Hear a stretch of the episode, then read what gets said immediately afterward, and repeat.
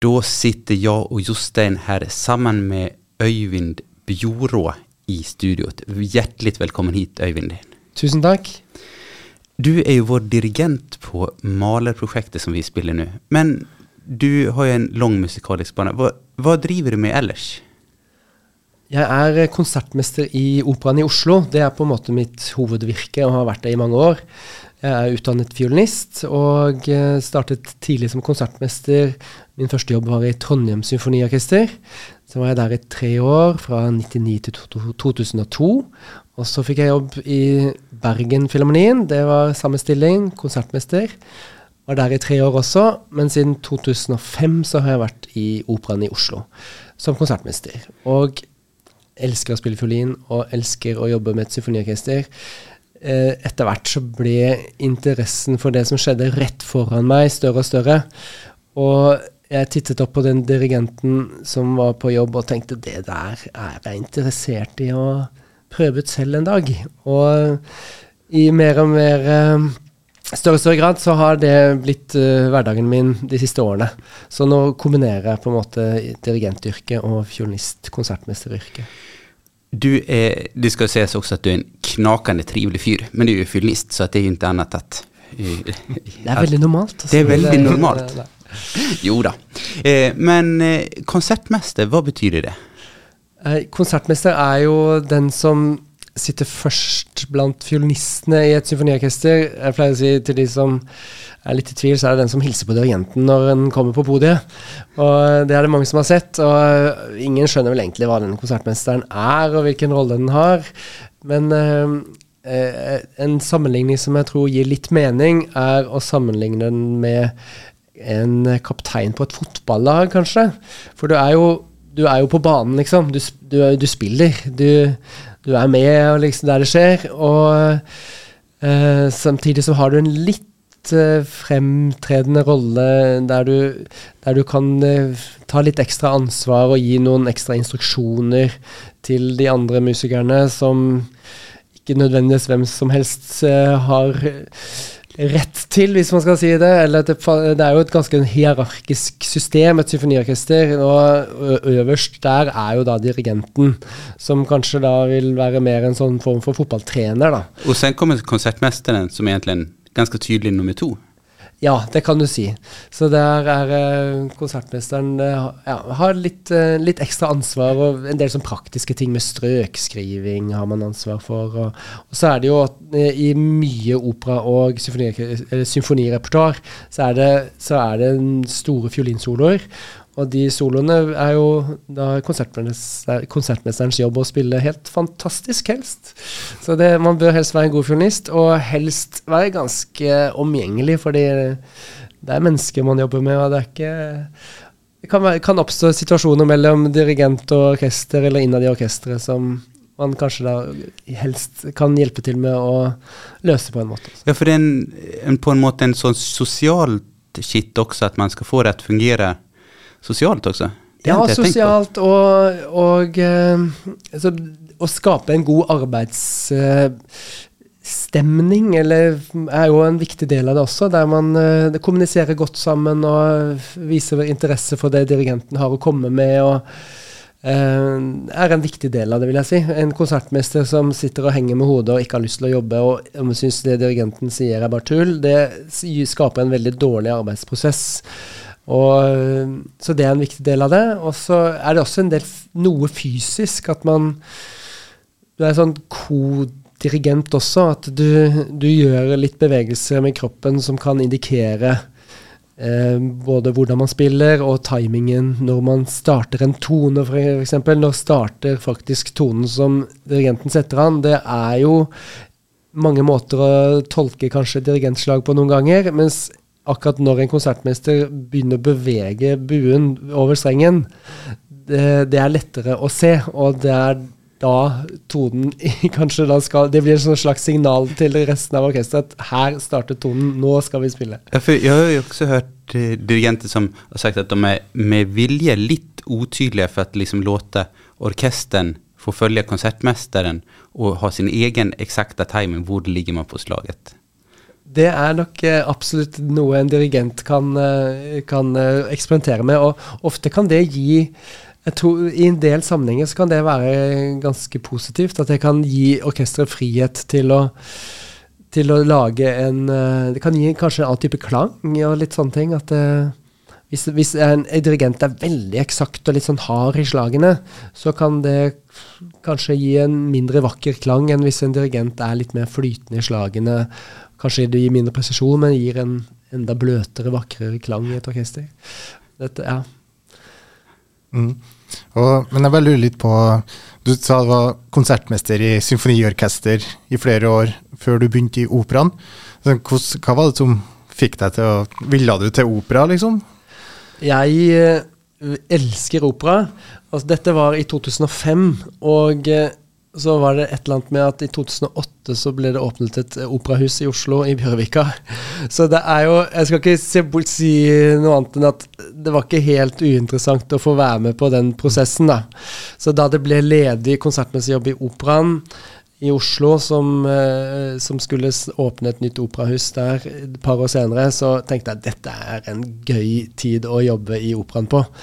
Og eh, repertoaret er jo helt fantastisk. Jeg syns jo jeg syns jo kanskje Jeg tenker for selv, hvis jeg er i London eller et eller annet sånt, som det er fryktelig lenge siden jeg har vært nå, men hvis jeg har en frikveld i London og skal velge om jeg går på symfoniorkester eller operaforestilling, så må jeg si at jeg går på opera, altså. For jeg syns uh, det, det, har en helt fantastisk operaoppsetning. Har liksom Med god regi, gode sangere, godt orkester, så er det liksom enda flere nivåer i denne opplevelsen enn å høre et symfoniorkester. Så for meg så eh, kan det gi noen helt magiske øyeblikk. Jeg har noen av mine beste stunder i livet har jeg hatt som publikummer i en operasal, vil jeg si. Mm.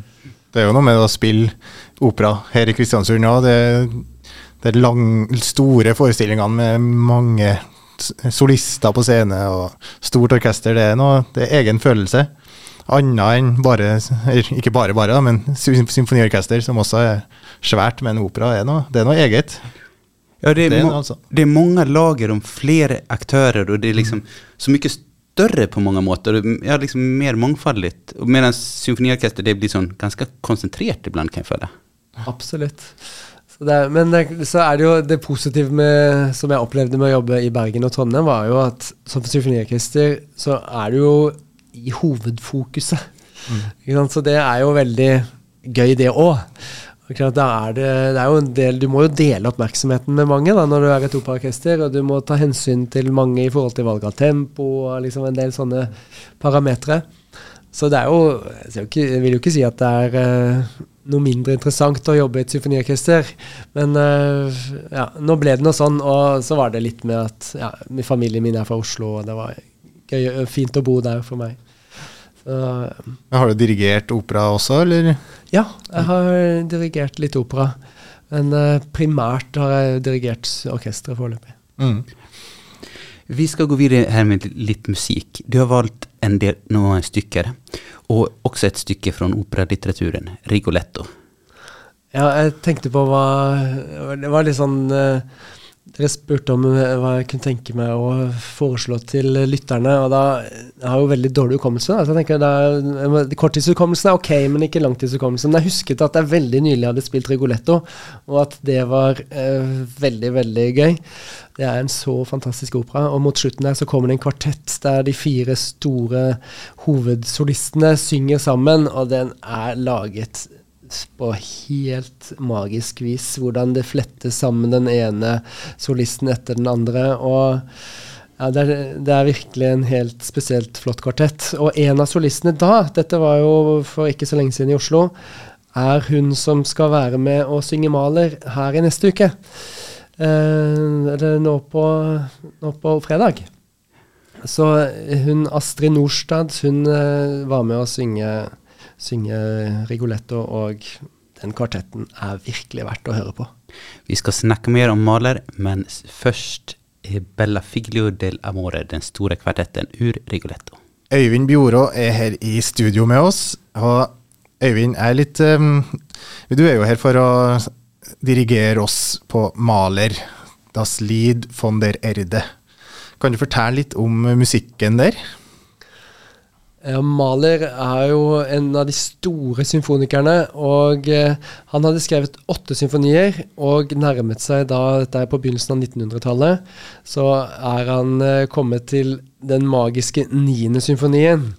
Og det, det er jo en sånn noe magisk rundt den niende symfonien. Mange klarte ikke å skrive flere enn ni av de store symfonikerne. Fordi Beethoven dør, og Dvorak dør, og ja. ja. ja. Så det er noe helt spesielt med den. Så det virker Kanskje turte han ikke helt å gå i gang med den. I hvert fall så gikk han i gang med dette verket her, som først hadde en tittel som uh, hadde symfoni i tittelen, men så gikk han bort fra hele symfonibegrepet. Og så valgte han å ha med uh, to sangsolister som er med gjennom hele verket og som ikke er så vanlig i en symfoni. Da. Så det ble, så det ble denne sang, dette sangverket, eller sangsyklusen, eller hva man skal kalle det, som er Das Lied von der Erde. Og det er magisk musikk, mener jeg. Det er helt fantastiske sanger. Um, kanskje noe, Noen mener kanskje det er hans beste symfoniske verk, omtrent. Uh, han uh, skrev masse flott musikk. Og han skrev jo da også symfoni nummer ni etter dette. Men sen så ble det ikke noen tiende. Han eller? begynte jo på en tiende òg, men så døde han. Så, så, ja, så, så han, det ble jo Han klarte den niende, men ikke den tiende. Så det var liksom Han følger enda for den, ja. liksom. Ja. ja. Så Nei, det er et helt fantastisk verk. Og det som er litt spesielt, eller som er veldig positivt i denne sammenheng her, at hans musikk og denne, dette verket kler veldig godt den reduksjonen som vi har i besetningen nå fra et stort symfoniorkester til en symfonietta. Eh, det fungerer så bra i denne musikken, for det er så mye kammermusikk og det, det, er så my mye i den stemme, hvordan stemmene brukes, og hvordan uh, treblåsen og messingen og strykerne spiller mot hverandre, som kommer så godt fram i en redusert versjon for Sifonetta. Så jeg tror det kan bli en kjempefin konsert på fredag. Ja, virkelig. Det tror jeg. Og det, det er så artig å spille, og sitter jo bare der og nyter hele greia. Ja. For, ja, du som dirigerer, det er så bra. Ja, og det er sjelden som jeg har opplevd hele symfonietten i så godt humør. Mm. Ja, liksom virkelig. Alle er kjempegira. Ja. Og godt, veldig godt forberedt. Og det er liksom Ja, det går, går fort å få det til. Og det du prater om før, om store fiolinsoloen, så er det mange som har flotte solene her. Jasmina spiller fantastisk fløytesolo, og Trond Harald har strålende fiolinsolo. Så det ja, nei, det er kammermusikk i stor, stor versjon. Her har mange store utfordringer, og det er så imponert av Sinfonettans musikere. Det er virkelig høyt nivå på mye som presteres foran meg. Så bra. Du, som du sa, det passer det jo. Det var allerede Schönberg ordna jo allerede en eh, versjon for symfonietta, men det er ikke det vi spiller. Nei, det er ikke Schönbergs arrangement nå. Det er et, et arrangement som er lagd en del senere, som har liksom mer den standard symfonietta-besetningen. Schönbergs arrangement, der er det uten trombone og trompet og med harmonium og ikke harpe. Det er liksom mm. noen sånne Men dette er med harpe, det hjelper jo veldig. Harpen er jo sentral i det stykket her. Det er jo litt sånn himmelsk musikk, iallfall mot slutten der, så er det jo Det er jo seks satser. Men den siste satsen er halve verket. Så det er fem satser som tar ca. en halvtime, og så er det siste satsen tar også ca. en halvtime, den sjette satsen. Og den heter avskjed. Så eh, noen mener jo at det er hans avskjed med verden, og hans avskjed med denne fantastiske jorda vi bor på, det deilige livet han har levd. og um, ja, Så han, eh, den slutter jo med bare for evig, for evig. Så, ja, så dør det på en måte ut. Og, ja, det er en veldig veldig vakker slutt. Mm. Himmelsk musikk. Ja. La, Maler var jo veldig glad i natur og alt. Vi har snakka om Maler før i et program, og det høres i musikken at det er veldig sånn inspirert av naturen. Hva har du for forhold til Maler ellers? Spilt mye, mistenker jeg. Ja, men ingen operaer? Ingen opera, men, eh, men symfoniene er jo helt fantastiske. Og de er jo spilt i operaorkesteret også, og har spilt dem Det er jo kanskje de aller flotteste symfonier for et stort symfoniorkester.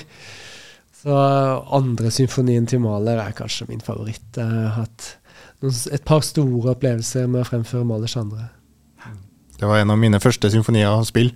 Og hun kommer aldri til å glemme, glemme den. Altså. Det er både utfordrende og ja, vakker og heftig. Ja. Ja, for det, dels er det stort og mektig, men så er det som du sier også at ganske mye av musikken passer egentlig også ganske fint til den här kammarmusiksettingen som vi mer gjør her. Altså, stemmer beveger seg mellom instrumentene, og det er samspill. Mm. Ja, det fungerer veldig bra. Og, nei, det var hornissen i orkesteret her som, eh, som uh, hooket tak i meg så vidt her forrige gang jeg var her og sa ja, hva med, hva med den uh, Das Lied von der Erde? Hadde ikke det vært gøy å gjøre? Jo, selvfølgelig! Call me! ja, det var en god samtale, vil jeg si. Ja. Produktivt. Vi skal høre her en liten bit på, fra Das Lied. Eh, en, litt i den siste satsen, men litt dramatisk. Husker du her hva som skjer i, i teksten i denne delen? Eller er det orkestermellomspill? Ja, det er et stort orkestermellomspill midt i den der siste satsen som tar en halvtime. Så, så kommer dette mellomspillet, og det er jo Teksten handler om avskjed og to venner som tar avskjed med hverandre. Så kommer denne dramatiske musikken. Da vil du si det er, For meg så Det er jo snakket en del om han maler sin jødiske opprinnelse. Og jeg syns den jødiske musikken her skinner litt gjennom uh, i dette i mellomspillet. Det er veldig dramatisk og vakkert. Ja. Så her kommer altså Gustav Mahlers 'Das Lied von der Redde', en del av den siste satsen, 'Abschied'. I dag er Øyvind Bjorå gjest her på Klassisk brus. Øyvind, du er jo fiolinist og konsertmester i Operaorkesteret i Oslo, men du er også dirigent og mangesidig. Og du skal dirigere Operaorkesteret relativt snart. Ja, det stemmer. Jeg har jo konsertmesterjobben der, men dirigerer ved siden av. Prøver som regel å ikke dirigere egne kolleger, for det kan være litt eh, rart både for dem og for meg. Men eh, nå det en, eh, blir det en setting nå om et par uker der jeg skal dirigere et stykke av Corngold og et stykke av Kortweil som settes på scene to, en litt mindre konsert. Så det er jo litt spennende da, hvordan det fungerer, for det er jo en uh, rolleblanding her som kan være litt intrikat. Er, uh, det er som man skal, en av elevene i klassen skal hoppe opp og plutselig være vikarlærer. Men men, uh, men, ja, det tror jeg skal nok koble av. Vi er tross alt voksne mennesker som er glad i hverandre og har respekt for hverandre i, i operaen også. Så, men det er et veldig uh, vakker sats der. Det var derfor jeg kom opp nå. For jeg synes den, uh, det var en musikk jeg ikke kjente så godt fra før. Men Corngold har skrevet et stykke som på engelsk heter 'Much Ado About Nothing', som er til Shakespeare sitt teaterstykke. som han skrev relativt tidlig i karrieren. Det er opus 11. Og den ene satsen der heter bare intermezzo, og er en skikkelig sviske. altså En sånn uh, ordentlig Som man kan uh, kunne brukt på teaterkafeen. og sikkert vært brukt på teaterkafeen. Um, ja, så den, den uh, tenkte at den vil jeg gjerne satt og leste på partituret på hotellrommet i Kristiansund, og den vil jeg foreslå for lytterne her. altså Den kjenner de sikkert ikke, og den burde de høre. Den eh, skal vi få høre straks. Men eh, når du velger ut et Hvordan fungerer egentlig når man velger et sånt program som du skal dirigere for operaen? Eh, får du velge musikk sjøl, eller er det satt? Nei, det er I denne sammenheng så er det bestemt av noen andre. Er, vi har jo diverse kunstneriske ledere i operaen. Og uh, vi har en operasjef som bestemmer alle operatitlene. Og så har vi en ballettsjef som bestemmer alt ballettrepertoar, inkludert musikk. Og så har vi en konsertprodusent som gjerne bestemmer repertoaret for konsertene som skjer. Både med vårt orkester og med alle de andre konsertene som skjer på huset. At man med, da, bestemmer hvem som skal få lov til å spille sin konserter på operaen. Så uh, i denne sammenheng så er det konsertprodusent og et programråd. Og, ja, det er mange involverte. Ja. ja. Og her er liksom en liten forskjell mot oss her i Kristiansund. er det kortere veier for allting. Det som vi prata om Male før, at en hornist kommer og sier ja, men skal, burde vi ikke spille den? Og så sier vi jo! og så blir det av. Ah, I love it.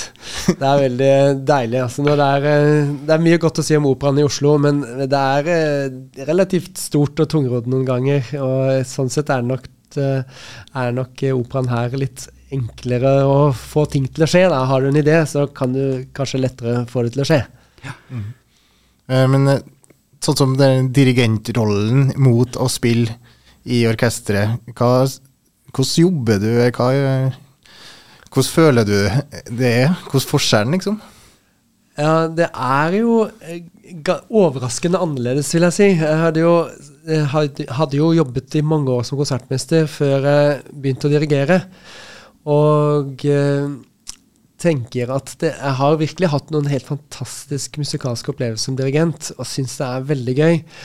Og særlig når man kommer til konserten som dirigent, så er jeg veldig glad i rollen. For da, da trenger jeg Jeg føler når jeg skal dirigere en konsert, så er jeg nesten aldri nervøs. Men hvis jeg skal spille en konsert, så kan jeg være ganske nervøs. Men det er et eller annet med dirigeringen handler veldig mye i en konsertsituasjon om å gi seg hen til musikken og virkelig leve seg inn i musikken, formidle musikk, inspirere de du står foran.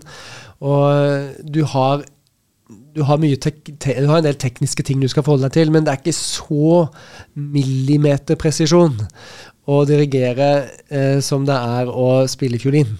For hvis du har en stor fiolinsolo og kommer en millimeter for høyt opp på det gripebrettet, så blir det surt, og det høres for alle.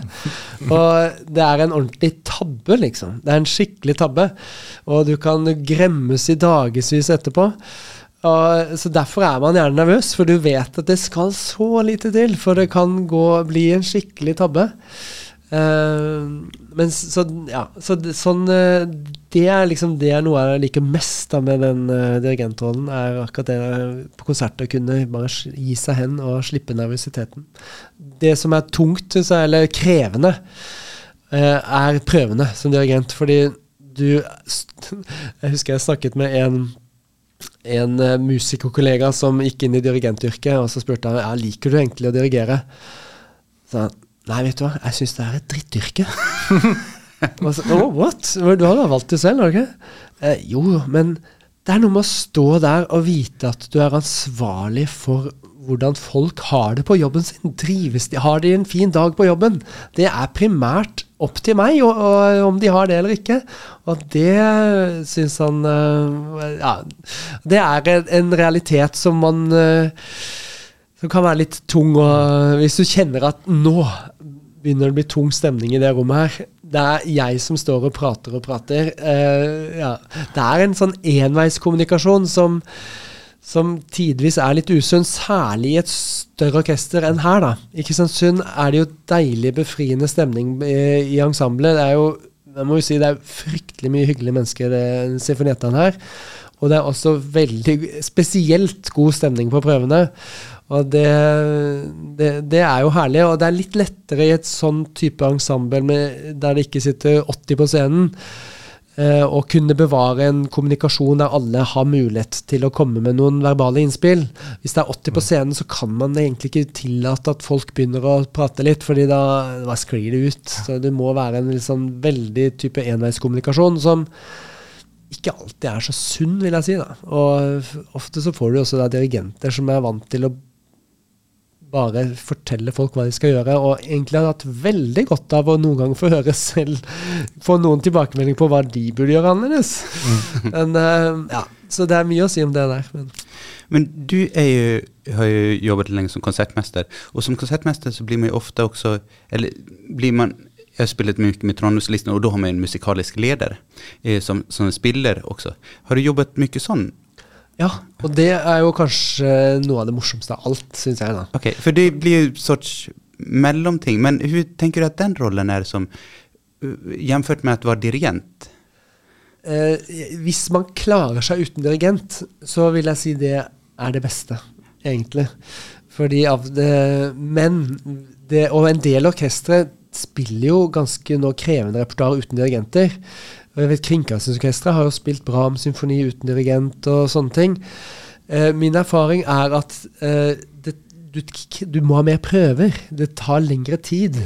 For da må alle i større grad vite hva som skjer. Du må vite hvem du skal følge. Det er, liksom, det, det er mye mer effektivt, da. Og du får et bra resultat mye kjappere med dirigent som på en måte kan stå og peke og instruere, liksom, og det er akkurat dette her som er tempoet. og så, men, men, jeg må si den, eh, når man har et litt mindre repertoar i forhold til ensemblestørrelse, og kan spille uten dirigent, så er det kanskje det aller gøyeste. Jeg tror det er andre gangen jeg spilte i Trondslysene, da var det du som var kunstnerisk leder. Ja, og leda. Ja, ja. Med konsert i Olavshallen. Ja, ja. Jeg hadde mange fine prosjekter mm. med Trondsolistene, men det har ikke vært så mye i det siste. Nei, men jeg er veldig Jeg er enig med deg. Og absolutt best å spille uten dirigent. Og det er veldig befriende som musiker, syns jeg. Ja, alle blir veldig sånn ansvarliggjort ikke sant? og har mm. mer mulighet til å være med og påvirke og føle seg nok mindre styrt. da. Man kan liksom være mer ja. ja. ja det er nok den ansvarsgreia, og man må følge med hele tida. Må være på tå hev, liksom. Og ingen å skylde på, riktig. Nei, da må man ta det sjøl. Eh, vi skal høre på det her musikkstykket som du snart skal dirigere med eh, Norsk Opera og Balletts Orkester. Korngold. En sånn tonsetter som man ikke har hørt så veldig mye om. Nei, han har jo en veldig fin fiolinkonsert som spilles en del. Korngold sin fiolinkonsert. Men ellers så er det, som du sier, ikke en komponist man uh, Men den fiolinkonserten er en av mine favorittfiolinkonserter. I Amerikaner, jeg minst. Ja. ja. Spennende. Uh, her hans teatermusikk til Shakespeares komedi 'Much Ado About Nothing'. Vi sitter fortsatt med Øyvind Bjorå, og du er jo en veldig allsidig musiker. og I tillegg til orkester og opera og dirigering, så er du en eh, fremragende kammermusiker. Og du skal spille noe kammermusikk eh, nå snart. Med noen stjerner, vil jeg si. Ja, jeg fikk en tekstmelding. Det er kanskje en av de tekstmeldingene jeg har blitt mest glad for på ganske lenge. Det var eh, fra godeste Leif Ove, Leif Ove Ansnes, og som jeg lurte på om jeg kunne bli med en liten tur til Baroniet i Rosendal og spille litt Beethoven pianotrio på en uh, kunstutstillingsåpning mm. sammen med han og uh, Audun Sandvik på cello. Tenkte jeg tenkte meg ikke så veldig lenge om da. Hvis jeg tok en rask titt i kalenderen, og hvis det var noe der, så tok jeg vel et viskelær og prøvde å hviske hardt så lenge det var mulig. Leif Ove Ansnes er jo uh, Han er jo bare helt fenomenal. Det er jo en, omtrent vår største klassiske musikkstjerne noen gang, muligens. Ja. Uh, og er jo veldig i vinden akkurat nå med en nytt Mozart-album som han har gitt ut. Og nei, han, uh, han, var jo ganske tett knyttet til Norske Kammerorkester for en del år siden. Og litt i den forbindelse så fikk jeg være med, og en del andre norske musikere, i hans haletipp rundt omkring i verden. Og han, eh, med han som eh, kaptein, så, så, var jo alle dører åpne på alle konsertscener i hele verden. Så, så, jeg fikk være med å spille i Carnegie Hall og på, i New York og Amsterdam og London. Og, ja, vi fikk har noen helt sånn fantastiske konsertminner med han eh, som pianosolist og så, med meg i, og mange andre i eh, Norske Kammerorkester som eh, fikk være med på scenen med han. Mm. Så eh, han er en stor stjerne fortsatt, og eh, å få spille med han, det er en eh, ja, noe, noe jeg virkelig setter kjært. Så Beethoven pianotrio opus 1 nummer tre er det vi skal spille. Så det gleder jeg meg veldig til. Ja. Jeg lurer på hvordan jeg har reagert hvis jeg har fått en tekstmelding fra Leif Ove Hansnes. Altså. Men du, du, altså, det er artig for meg som å høre at du som liksom kjempeflink, erfaren musiker setter også fortfarande pris på at liksom spill, eller det er noe å spille med de her store stjernene. Hva er det det gir deg? Nei, det er jo men jeg kan liksom fortsatt Jeg kan fortsatt kjenne den følelsen å sitte liksom i orkesteret og se fingrene til Leif Ove Hansnes spille i kadansen i Mozart pianokonsert. Det, var, det er jo bare han, Den kontrollen og den musikaliteten og den perfeksjonismen og det er eh, det, det er jo, Da er man liksom inne på hva er det musikk gir oss. og Hvorfor begynner jeg å grine når jeg hører en uh, fantastisk tenor synge de høye topptonene, liksom? Det er jo parodisk, nesten, men jeg sitter, selv om jeg er forskjellig musiker, så kan jeg sitte og bli helt tårevåt av å høre de kjente sviskene bli fremført bra. Og er det en som fremfører noe bra, så er det jo Leif Ove Hansnes. Så ja, det er, uh, det er musikk. Det er musikkglede, det er uh, følelser og samspill, og en fint menneske er han, og ja, så det det, kan gi, eh, det, det ser jeg veldig frem til. Eh, tusen takk for at du har kommet hit i dag. Og vi ser virkelig frem imot denne konserten som vi skal ha nå til helgen, eller neste helg. Vi har et forhåndsinnspilt intervju. Eh, Malers eh, Das Lied von Erde skal vi spille i Frei kirke klokken eh, Det er klokka sju, er ikke det? Jo, på fredag kveld. Fredag den 29. Og så skal vi faktisk dra på turné utenfor Nordmøre, enda til Ålesund, og spille i Ålesund kirke eh, på en ettermiddagskonsert. På klokka tre den 30. april. Og for dere som i, ja, for dere som kjenner Malers musikk, så trengs det kanskje ingen annen rekommendasjon, men for dere andre ta sjansen å få en fantastisk konsertopplevelse. Det er jo fantastiske solister også, med Astrid Nordstad og David Danholt. De her kjenner ikke jeg, men du kjenner de begge? Ja, de er så gode. Astrid Nordstad hun har sunget mye på Operaen i Oslo. David Danholt kjenner jeg Jeg har ikke jobbet med selv før, men jeg kjenner godt hva han har gjort, og har hørt med opptak av han. Han er dansk, har en stor karriere i Danmark, sunget litt i Norge. Så at vi får dem opp hit nå til Kristiansund, det er en, litt sensasjonelt, vil jeg faktisk si. Så det er bare å komme på konsert med Operaen Symfonietta og Øyvind Bjorå. Tusen takk for at du kom hit. Nå en stor vi... glede for meg å få være her. Nå skal vi nyte av Beethoven. Opus 1 nummer tre.